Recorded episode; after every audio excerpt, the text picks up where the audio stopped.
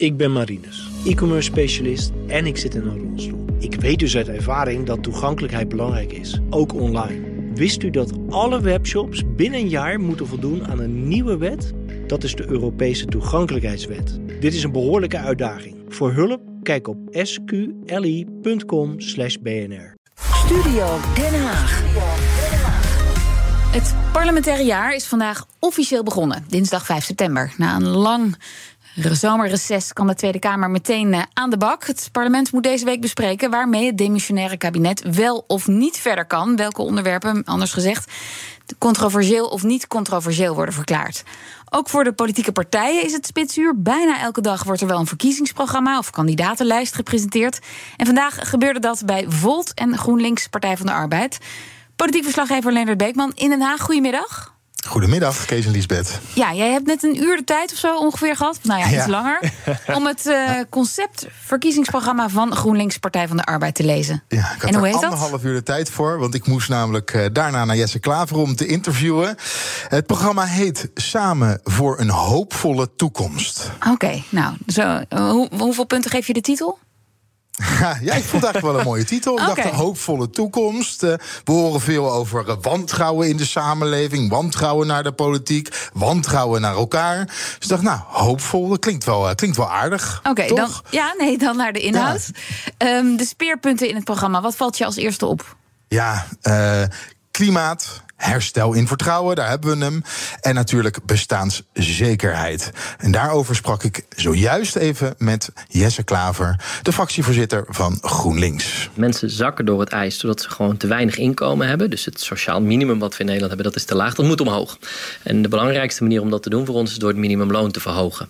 Uh, naar uiteindelijk 16 euro. Dat is de belangrijkste stap die we zetten. En de uitkeringen daarmee omhoog? Ja, en ook de uitkeringen gaan daarmee omhoog. En wat we daarmee, dat betalen we allemaal door de belastingen op winsten, bijvoorbeeld van grote bedrijven. En uh, de, winst, de, de belasting op uh, miljonairs, de miljonairsbelasting.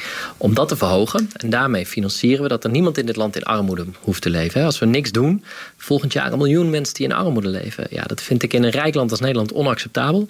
Dus dat is een belangrijk speerpunt voor ons. Ja, box 3 wordt dus aangepakt. Mensen met vermogen, een miljonairsbelasting zoals we dat bij Partij van de Arbeid GroenLinks of GroenLinks Partij van de Arbeid noemen. Maar ook uh, box 2 gaan mensen het voelen, dus de ondernemers. Als je veel winst maakt, ga je ook wat meer belasting betalen. Maar dat heeft een doel. Hè? Dat is niet omdat we zeggen, we vinden het niet leuk dat je winst maakt. Hartstikke mooi, gefeliciteerd, je hebt het goed gedaan. Maar dat kan ook uh, omdat je hier in een land uh, onderneemt... waarin we goede wegen hebben, waarin we goed onderwijs hebben... goede zorg, waarin er een sociaal vangnet is. Daar moeten we met elkaar voor betalen. En als je dan kijkt naar de afgelopen jaren waar dat vooral vandaan is gekomen... dan zie je dat vooral de inkomsten bij de overheid... door mensen die een uh, inkomstenbelasting betalen omhoog is gegaan. Ja, en dat de belastingen die wij krijgen door dat, uit de winsten... dat is naar beneden gaan en dat willen we corrigeren. U zegt goede wegen, goede infrastructuur... maar zometeen een slecht vestigingsklimaat. Ja, dat, dat geloof ik niet. Omdat uh, Nederland is een fantastisch land om te ondernemen. Uh, als je kijkt naar de Brainport-regio bijvoorbeeld... en hoe goed we het daar doen... dat heeft echt niet alleen te maken met de fiscaliteit... dus hoe ons belastingstelsel in elkaar zit. heeft ook gewoon te maken met op welke wijze daar bedrijven met elkaar samenwerken. heeft met het topniveau van ons onderwijs te maken... en van de universiteiten.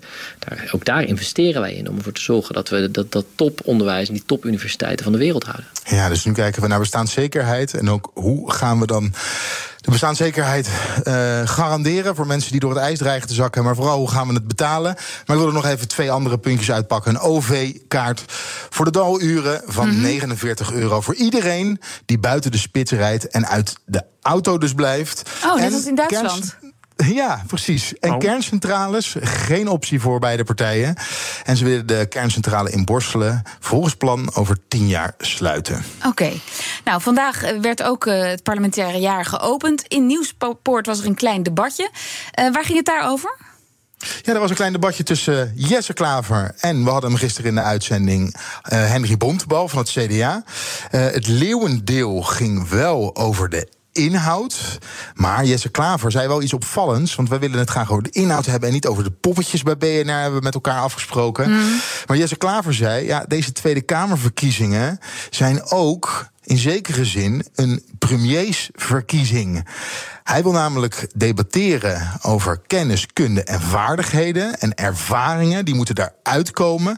En het moet een test zijn voor de, voor de kandidaten om te zien of ze dan geschikt zijn om het land te gaan leiden. Dus de verkiezingsdebatten die moeten op inhoud gevoerd worden. Maar daaruit moet dan ook blijken wie dan de juiste kandidaat gaat Maar dat zijn. is Dus toch een beetje over de poppetjes. Maar dat is een gevoelig onderwerp. Want heel veel mensen zeggen in Politiek Den Haag: nee, dit zijn Tweede Kamerverkiezingen. De aandacht moet van die eventuele premier af, juist. Ja, en het opvallende is dat zelfs partijen zoals BBB, die een premierskandidaat op vrijdag, vorige week vrijdag presenteren, de hele parlementaire pers naar Deventer daarvoor halen, een buitenwijk van Deventer, dat de lijsttrekker daarvan gisteren bij de HJ schoollezing, dus eh Caroline van der Plas, zegt: ja, eh, het is, gaat niet om wie de minister-president gaat worden. Maar ja, vorige week stond Ja. ik toch echt zelf in een zaaltje, opgesloten, omdat het niet eerder bekend mocht worden, omdat Mona Keizer gepresenteerd moest worden. Dus ik vond het persoonlijk een beetje tegenstrijdig. Ja, maar en Leendert, dat, dat Klaver nu een soort van toets, een premierstoets wil, wil voor de Nou vaardigheden. ja, de debatten moeten een soort premierstoets Ja, moeten maar dat dat is, komt Ja. toch gewoon omdat ze eh, Timmermans hebben. Want dan kunnen ze zeggen: kijk eens wat een ervaring, kijk eens wat een internationale ervaring. Die ervaring hebben de andere kandidaten misschien wat minder. Ja, Henry Bontebal van het CDA. eh, we hebben vandaag ook weer peilingen voorbij zien komen. Het gaat nog steeds niet goed met, eh, met de partij. Ja, hij was niet zo gecharmeerd van het idee. Hij wilde het toch echt over de inhoud hebben.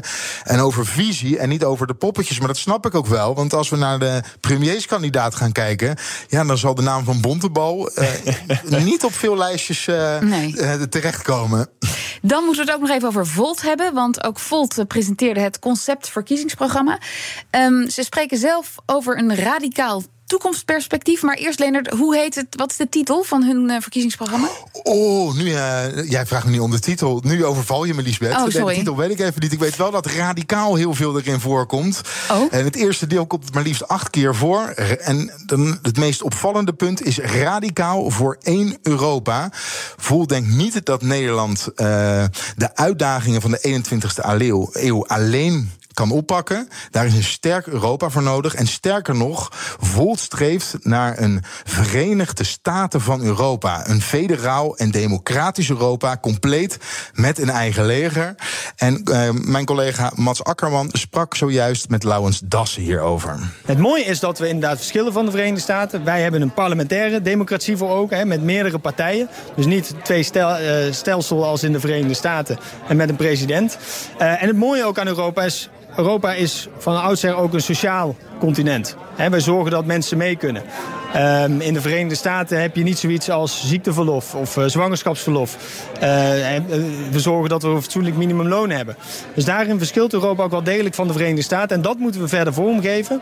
Om te zorgen dat we dus ook sterk en onafhankelijk worden. Maar dan moeten we ook gaan investeren in onze eigen veiligheid. Want daar zijn we nu nog vooral afhankelijk van de Verenigde Staten. Dan moeten we ook investeren in een nieuwe economie. Zodat niet China en de VS eh, ons eigenlijk leeg eten. Nou, Lisbeth, gelukkig hebben we internet. En heb ik nu het verkiezingsprogramma van Volt voor mijn neus staan. Toekomst, nu. Een Europees verhaal van optimisme. Dus ook hier optimisme. Ja. We hebben hoop. Partij van de Arbeid GroenLinks. En we hebben optimisme bij Volt. Ja, dan de Tweede Kamer. Die kwam dus vandaag terug van dat lange zomerreces. En die moesten meteen aan het werk. Ja, ze zijn nu heel hard aan het werk. We hadden natuurlijk het vragenuurtje. Maar de grote vraag is wat wel en niet controversieel verklaard gaat worden. En dat gaan we deze week gaan we dat horen. Dus kortom, welke dossiers gaan we nog wel en niet mee verder? Of mag het demissionaire kabinet mee verder? Rutte sprak ik nog even en hij heeft er in ieder geval vertrouwen in dat het kabinet van de Tweede Kamer op een aantal punten nog verder mag gaan.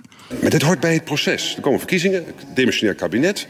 Ehm, ik denk dat het kabinet zich een beetje moet inhouden met allemaal nieuwe plannen. En de Kamer zal, verstandig als de Kamer is, ook kijken wat moet er echt doorgaan. En ik vertrouw op een goede uitkomst. Ja, en de eerste, eh, de eerste vergadering, commissievergadering waarin besproken wordt wat wel en niet controversieel verklaard eh, gaat worden, is op dit moment bezig. Ik heb er een heel klein fragmentje, wat is net begonnen, van kunnen zien. Ja, en het wordt echt de groslijst, zoals ze dat noemen. Die, wordt, eh, die, wordt, die lopen ze langs met alle onderwerpen. Ja, en dan eh, wordt er gewoon met elkaar besproken: gaan we hier wel of gaan we hier niet mee door? Nee. En van alle commissies Dus bij financiën, bij sociale zaken, bij LNV, dus eh, landbouw. eh, bij, alle, bij, alle commissies moeten ze dat met elkaar gaan doen. En dan wordt daar volgende week over gestemd. En dan zal duidelijker worden waar het kabinet wel en niet mee verder gaat. Maar er zijn wel een aantal dossiers ja, waar de ministers eh, mee verder willen. Maar ook dossiers die wel heel belangrijk zijn voor Nederland. We hebben vanmorgen Karin van Gennep, minister van. Eh, werkgelegenheid hier op de zender gehad. eh, over de arbeidsmarkt. Ja, en zij wil graag met die hervorming van die arbeidsmarkt verder. Eh, Maar de minister voor wonen, hè, Hugo de Jonge. we hebben een woningnood. Wil graag die huizen gaan bouwen. Maar Leendert, ja, iedere minister, als het goed is, vindt zijn eigen dossier het allerbelangrijkste. En wil, wil af, heb- daar, heb afmaken. je, daar, heb je, daar heb je inderdaad gelijk in. Het zou ook gek zijn als de minister zou zeggen... Ja, Doe maar niet, joh, laat wel maar goed zitten. dat het kabinet Ja. gevallen is. Laat maar hangen. Maar je, we voelen natuurlijk wel aan bij bepaalde onderwerpen. eh, die kunnen eigenlijk niet meer wachten. En dan hebben we het bijvoorbeeld over de energietransitie. Ehm, ja, Nederland staat voor een hele grote transitie. En er kunnen nu al bedrijventerreinen bijvoorbeeld niet aangesloten worden op het, eh, op het, op Ja, het, eh, op het net lichtnet, eh, over. wijken. Ja. Ja, en daar, daar moet het kabinet toch echt, of in ieder geval de Kamer, eh, die moet er een antwoord op, eh, op, op gaan geven. Kijk, Kunnen we daar wel of niet mee verder? Want het is, het is, het is urgent. Dat is één ding eh, wat zeker Maar is. Leendert, in hoeverre zien wij de verkiezingen eigenlijk nu al hierin de komende dagen in terug? Want veel partijen zullen pijnlijke onderwerpen natuurlijk eigenlijk het liefst na de verkiezingen behandelen. Ja, dat klopt, Kees. Dus eh, ik eh, kan je er alvast twee geven. De spreidingswet en de stikstofwet, eh, die gaan controversieel verklaard worden. Daar gaat het kabinet echt niet mee verder. En verder, Geert Wilders stond net eh, de, de pers te woord. En die zegt eigenlijk kunnen we maar op heel weinig kunnen we verder gaan. Het gaat allemaal heel politiek worden, ben ik bang. En eh, we gaan aan het eh, eind van een roerige week wel horen... Waar, we- en volgende week in de stemmingen daadwerkelijk zien... waar het kabinet wel en niet mee verder kan. En tot slot, Leendert, er waren ook vandaag weer eh, nieuwe fractievoorzitters in de Kamer. Ja, omdat er nogal wat verschuivingen zijn in de Tweede Kamer. Bijvoorbeeld uh, Henry Bontebal kreeg de voorzittershamer van zijn fractie overgedragen van Pieter Heerma. Uh, Chris Stoffer bij de SGP van Van der Staaij. En bij Denk, als er kan, moest, nou moest, wil, heeft het stokje overgedragen aan uh, Van Baarle.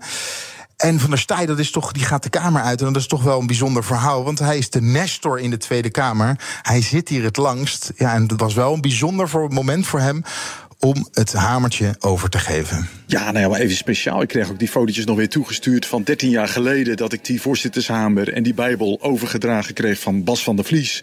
En dan denk je van ja, in mijn beleving is dat uh, even geleden. En dat het alweer gewoon 13 jaar is. Ja, het klinkt een beetje oud, maar toch denk je dan wel, wat vliegt die tijd? Ja, wat vliegt die tijd? En dan voor één iemand anders is de tijd ook voorbij gevlogen. Want er was vandaag nog een jubileum. Geert Wilders, 25 jaar in het parlement. Leendert Beekman, politiek verslaggever uit Den Haag. Dankjewel. Ik ben Marinus, e-commerce specialist en ik zit in een rolstoel. Ik weet dus uit ervaring dat toegankelijkheid belangrijk is, ook online. Wist u dat alle webshops binnen een jaar moeten voldoen aan een nieuwe wet? Dat is de Europese toegankelijkheidswet. Dit is een behoorlijke uitdaging. Voor hulp, kijk op sqli.com/bnr.